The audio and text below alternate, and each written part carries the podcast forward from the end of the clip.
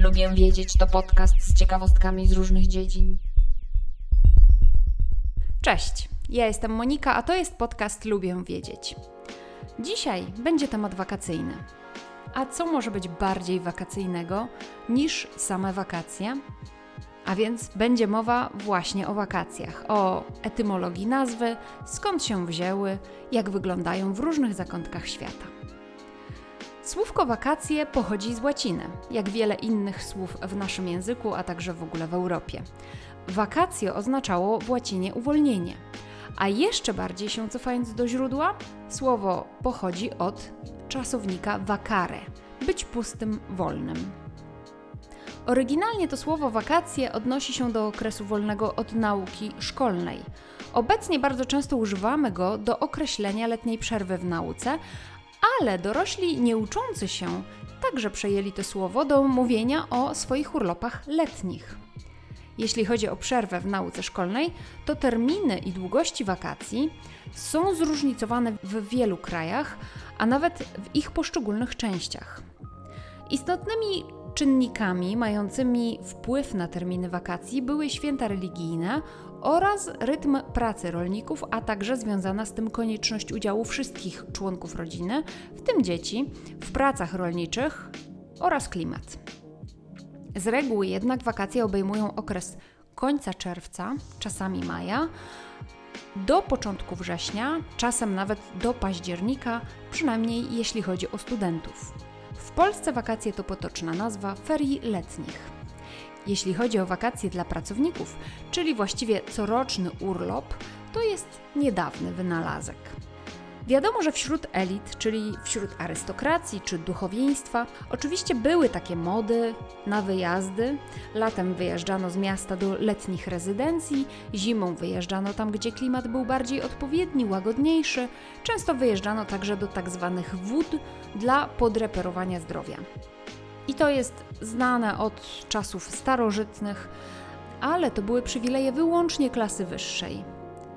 Poza tą elitą były osoby, które pracowały na przykład na roli, na własne utrzymanie lub były chłopami feudalnymi, pracowały na roli czy też na gospodarstwie u właściciela, albo byli służbą dla klasy wyższej. Ale w takiej pracy nie było czegoś takiego jak urlop. Można było mieć ewentualnie jakiś jeden dzień na odpoczynek, bo właściwie każda religia jakiś dzień wolny od pracy przewidywała i przewiduje nadal. No ale jeśli nawet taki wolny dzień był i się należał pracownikom, to i tak trzeba pamiętać, że praca na gospodarstwie musi być wykonana, ponieważ zwierzęta muszą być doglądane codziennie, nakarmione codziennie, a niektóre muszą być przynajmniej raz dziennie wydojone. Tak samo w pałacu musi być podany obiad, ma być czysto, więc w takiej pracy de facto nie ma urlopu. Ale kiedy pojawiły się pierwsze fabryki i praca dla kogoś innego, która nie polegała na obróbce ziemi, czy zajmowaniu się domem, czy też gospodarstwem, ale na wytwarzaniu czegoś, na przychodzeniu do pracy, to wtedy po jakimś czasie pojawił się także pomysł urlopów. Mówię mniej więcej o połowie XIX wieku, kiedy zaczynały się pojawiać pierwsze głosy, najpierw ze strony lekarzy, którzy sugerowali zdrowotne korzyści z przerwy w pracy, przerwy dłuższej niż jeden świąteczny dzień. Ponadto pracownicy otrzymywali pensje, których część mogli zaoszczędzić i przeznaczyć na przyjemności, jak na przykład podróże. Co więcej, pojawiały się także możliwości spędzenia czasu poza miejscem zamieszkania, to znaczy wygodniejsze i szybsze środki lokomocji. Pojawiły się pierwsze pociągi parowe, także statki parowe, następnie samochody, lepsze drogi, aż w końcu pojawiły się także samoloty pozwalające na podróże na dalekie odległości. No ale trzeba było się domagać tego wolnego, żeby mieć kiedy podróżować, ponieważ nie było czegoś takiego jak urlop. Na przykład w 1936 roku Międzynarodowa Organizacja Pracy zaleciła ustanowienie prawa do 6 dni urlopu po jednym roku pracy. We Francji postanowiono zwiększyć tę zalecaną liczbę i w 1936 roku weszło prawo przyznające francuskim robotnikom 12 dni urlopu na każdy rok. Obecnie Zalecenie tej Międzynarodowej Organizacji Pracy to prawo do corocznego płatnego urlopu w wymiarze nie mniejszym niż 3 tygodnie robocze za jeden rok pracy. Oczywiście to są tylko zalecenia i stosują się do tych zaleceń tylko i wyłącznie kraje, które ratyfikują te ustalenia, a nie każdy kraj ratyfikował.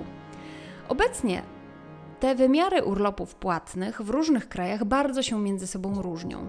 Na przykład w Stanach Zjednoczonych nie ma w ogóle nałożonego na pracodawcę żadnego ustalonego minimum płatnego urlopu i szacuje się, że około 25% pracowników w Stanach Zjednoczonych nie ma w ogóle żadnego płatnego urlopu, poza świętami oczywiście. W Kanadzie jest ustalone minimum na 10 dni płatnego urlopu, więc nasze 26 dni urlopu w Polsce jest naprawdę bardzo dużym przywilejem. Także życzę wszystkim udanych wakacji, a jeśli już wróciliście z wakacji, to dajcie mi znać, gdzie byliście na wolnym, na swoich wakacjach. Możecie mi dać znać na przykład na moim profilu Instagramowym, gdzie jestem najbardziej aktywna. Mój profil Instagramowy znajdziecie pod nazwą Lubię Wiedzieć. Ja tymczasem dziękuję za wysłuchanie tego odcinka. Zachęcam do zajrzenia do notatek do tego odcinka, bo tam są linki do źródeł informacji. Możecie też polubić fanpage podcastu na Facebooku lub na wspomnianym Instagramie. Zapraszam także na mój drugi podcast Fiszkowa Kartoteka, w którym mówię o książkach. Do usłyszenia, cześć!